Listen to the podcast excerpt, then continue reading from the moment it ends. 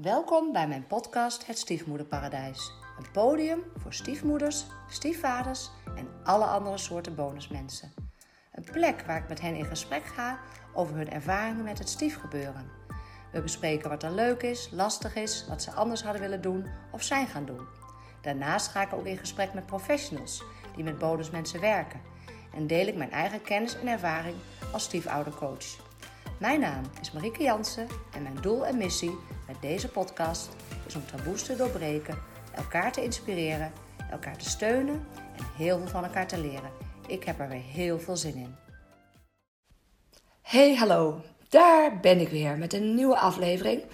En ik dacht, ehm, ik ga eens even gauw wat met jullie delen over mijn uh, ervaringen met uh, familieopstellingen.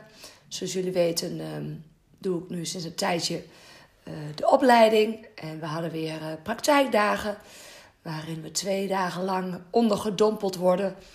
Oefenen, heel veel opstellingen doen. En ik dacht, ik ga wat met jullie delen waar je zelf dus ook vervolgens wellicht wat mee kan. En anders help ik je daar graag bij.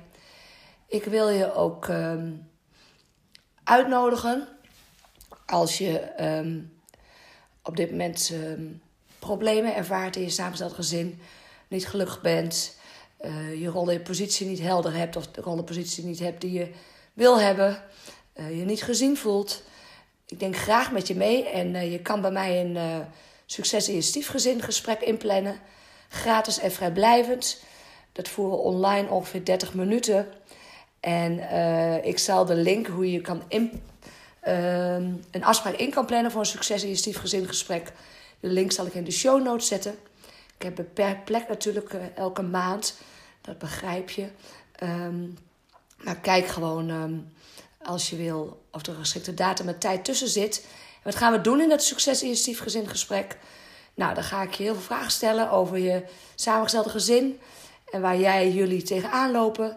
We brengen in kaart wat je heel graag anders wil zien, wat er echt moet veranderen. Uh, wat er gebeurt als het niet verandert. Maar vooral waar je naartoe wil en wat je wil bereiken. En we maken samen een plan uh, hoe je dat uh, kan bereiken. En als ik denk dat ik je kan helpen, zal ik je dat natuurlijk zeker laten weten. Nou, de link zal ik in de show notes zetten. Daar kan je ook er nog wat meer over lezen. Familieopstellingen. Pardon.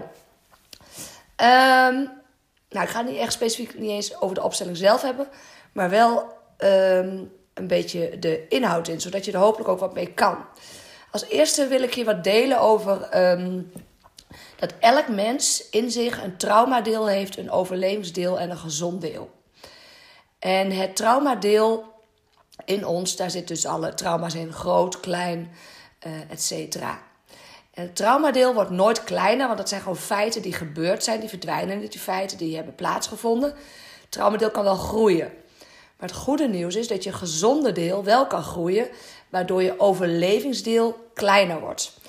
Um, ik zal je ook wat uitleg zo geven over het overlevingsdeel.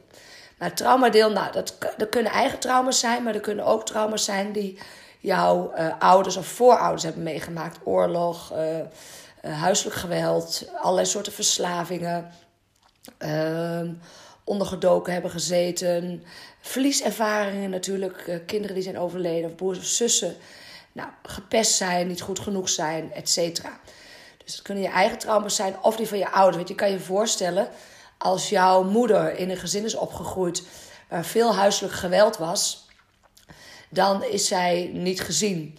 Uh, dan is zij misschien niet gewaardeerd.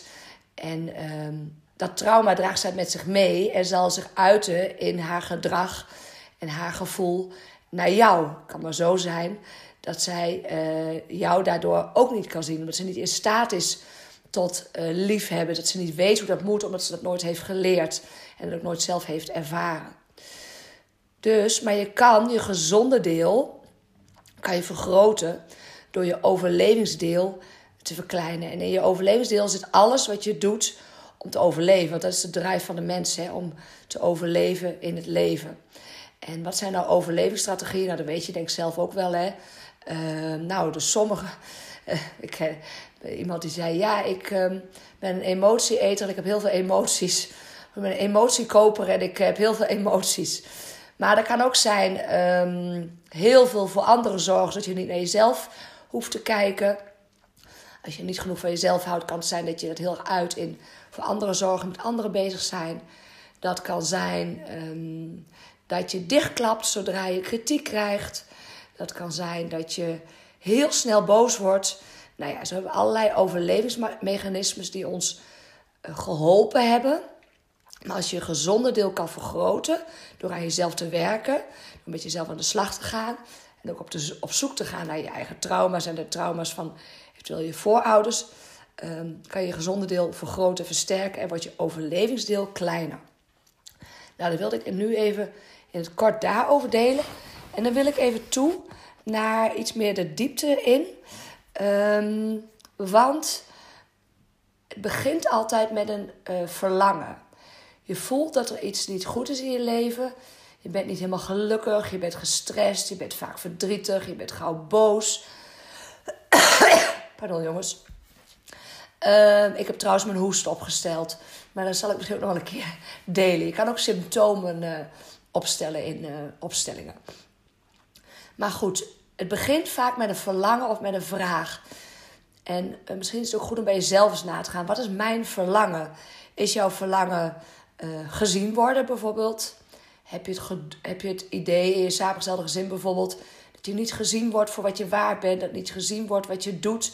Dat je, niet, uh, dat je soms wel gezien wordt, maar in bepaalde situaties dat je partner vooral oog heeft voor zijn of haar kinderen. En dat jij niet gezien wordt, dat je schoonfamilie je niet ziet, nou et cetera. Maar er kan ook, een verlangen kan ook zijn erkenning en uh, waardering. En daar een groot gemis in ervaren. Sommige mensen zeggen vaak, ik wou dat mijn bonuskinderen mij eens vaker erkenning en waardering gaven. Ja, ik denk dat je dat van hen... Uh, heel veel mensen krijgen het uiteindelijk in hele kleine dingen en hele grote dingen. Maar verwacht het niet van hen. Zij gaan hun eigen proces hebben, hun eigen leven, hun eigen gevoelens, hun eigen dingen waar ze mee te dealen hebben. Hè? Maar erkenning en waardering mag je zeker verwachten eh, van je partner. Maar het is natuurlijk wel de vraag waarom. Uh, wat zit er onder die, uh, dat verlangen naar erkenning en waardering? En zie je dat ook terug in de lijn van jouw familie? Hoe. Um, even heel plat gezegd, uh, zit daar erkenning en waardering. En hebben je ouders en de voorouders, hebben die, is daar iets gebeurd waardoor er een gebrek aan erkenning en waardering was. En er kan ook net wat anders gebeurd zijn, wat je niet direct linkt aan erkenning en waardering. Maar dat ga je in een opstelling, uh, kan je dat wel uh, ontdekken. Dus um, ja, wat ik ook heel. Um, ja, misschien kan ik. Ik wil daar wel even kort iets over delen wat ik zelf, uh, ik heb zelf ook wat opgesteld. En um, je ziet ook, je, stelt vaak iets op, een verlangen. En het komt heel ergens anders uit. Wat daar wel natuurlijk aan gelinkt is. Uh, zoals jullie weten is de vader van mijn dochter overleden. Door euthanasie twee jaar geleden. Twee jaar daarvoor ongeveer was ik van hem uh, gescheiden. En ik had opgesteld, mijn verlangen was met meer mildheid naar Hem kunnen kijken, zodat uh, als ik af en toe niet met mildheid naar Hem kan kijken, ben ik bang dat ik dat ook uitstraal naar mijn dochter. Bijvoorbeeld, als zij een iets niet kan vinden, dan heb ik de neiging om te zeggen: God, je lijkt precies op je vader, ik kan er nooit wat vinden. Ja, en in principe, ik denk als je samen bent met, je, met de vader van je dochter, kan je dat prima zeggen. Want welke man kan wel wat vinden? Maar, sorry mannen. Uh, maar, um, ja, nu voelde het als afwijzing, als afkeur naar vader. dus het was moeilijk voor mezelf om te erkennen. Maar ik dacht, oh, ik. En toen in het voorgesprek wat we hadden, dat is ook al een heel proces. Ik uh, uh, wil het graag met je doen als je daarvoor open staat. Maar het inleidende gesprek is al een heel proces op zich. En volgens mij kwam in het inleidende gesprek al naar voren... is je verlangen eigenlijk dat je, dat je meer liefde voor hem wil voelen. En toen schoot ik ook vol. Um, want ik dacht, ja, dat is het. Weet je, um, zonder nou heel veel over hem te delen... Um, Maar het was ook een heel lief en heel goed mens. En dat, dat kan ik rationeel ook benaderen. En dat kan ik af en toe ook wel voelen. Maar we hebben het ook moeilijk en ingewikkeld uh, gehad. En ik zou eigenlijk gewoon heel graag liefde voor willen voelen. Zonder vertroebeling van de dingen die moeilijker zijn gegaan. Nou, en wat nou in de. Uh, toen kwam uiteindelijk. Ja, toen kwam ik ook in het voorgesprek zelfs. kwamen er nog op uit. Ik wil me niet meer schuldig voelen. En toen gingen we de opstelling uiteindelijk doen. En um, mijn verlangen was: ik wil me niet meer schuldig voelen. Het verlangen gingen we ook opstellen. En ik kreeg het eigenlijk in eerste instantie niet eens bestrot uit. Vond het zo moeilijk om te zeggen: ik wil me niet meer schuldig voelen. Ik voel me heel erg schuldig over de scheiding. Um, want hij was al heel ziek en wat doe ik hem aan? En hij leefde voor ons. En nou, ik voelde me echt. En ik weet dat heel veel gescheiden mensen zich schuldig voelen hoor. Maar ook ik voelde me echt knijtertje schuldig. En wat nou het frappante was, en dat is niet heel chic en heel charmant, maar het is gewoon de waarheid. Mijn schuldgevoel was gewoon mijn eigen belang. Want als ik me schuldig voel, dan ervaar ik pijn en ellende en dan voel ik me rot. En dan compenseert dat een beetje het leed wat ik hem heb aangedaan. Dus het is eigenlijk nou ja, een coping om ermee om te gaan natuurlijk. Maar het, praat het voor mij ook een beetje goed. Ja, ik weet niet of het het goede woord is, maar ik denk dat je het wel begrijpt. Dus me niet meer schuldig voelen en uh, mezelf dat niet meer aandoen. Ja, dat, dat, dat uh, was lastig. En dat heeft dus natuurlijk ook weer heel erg te maken met zelfliefde en jezelf kunnen zien.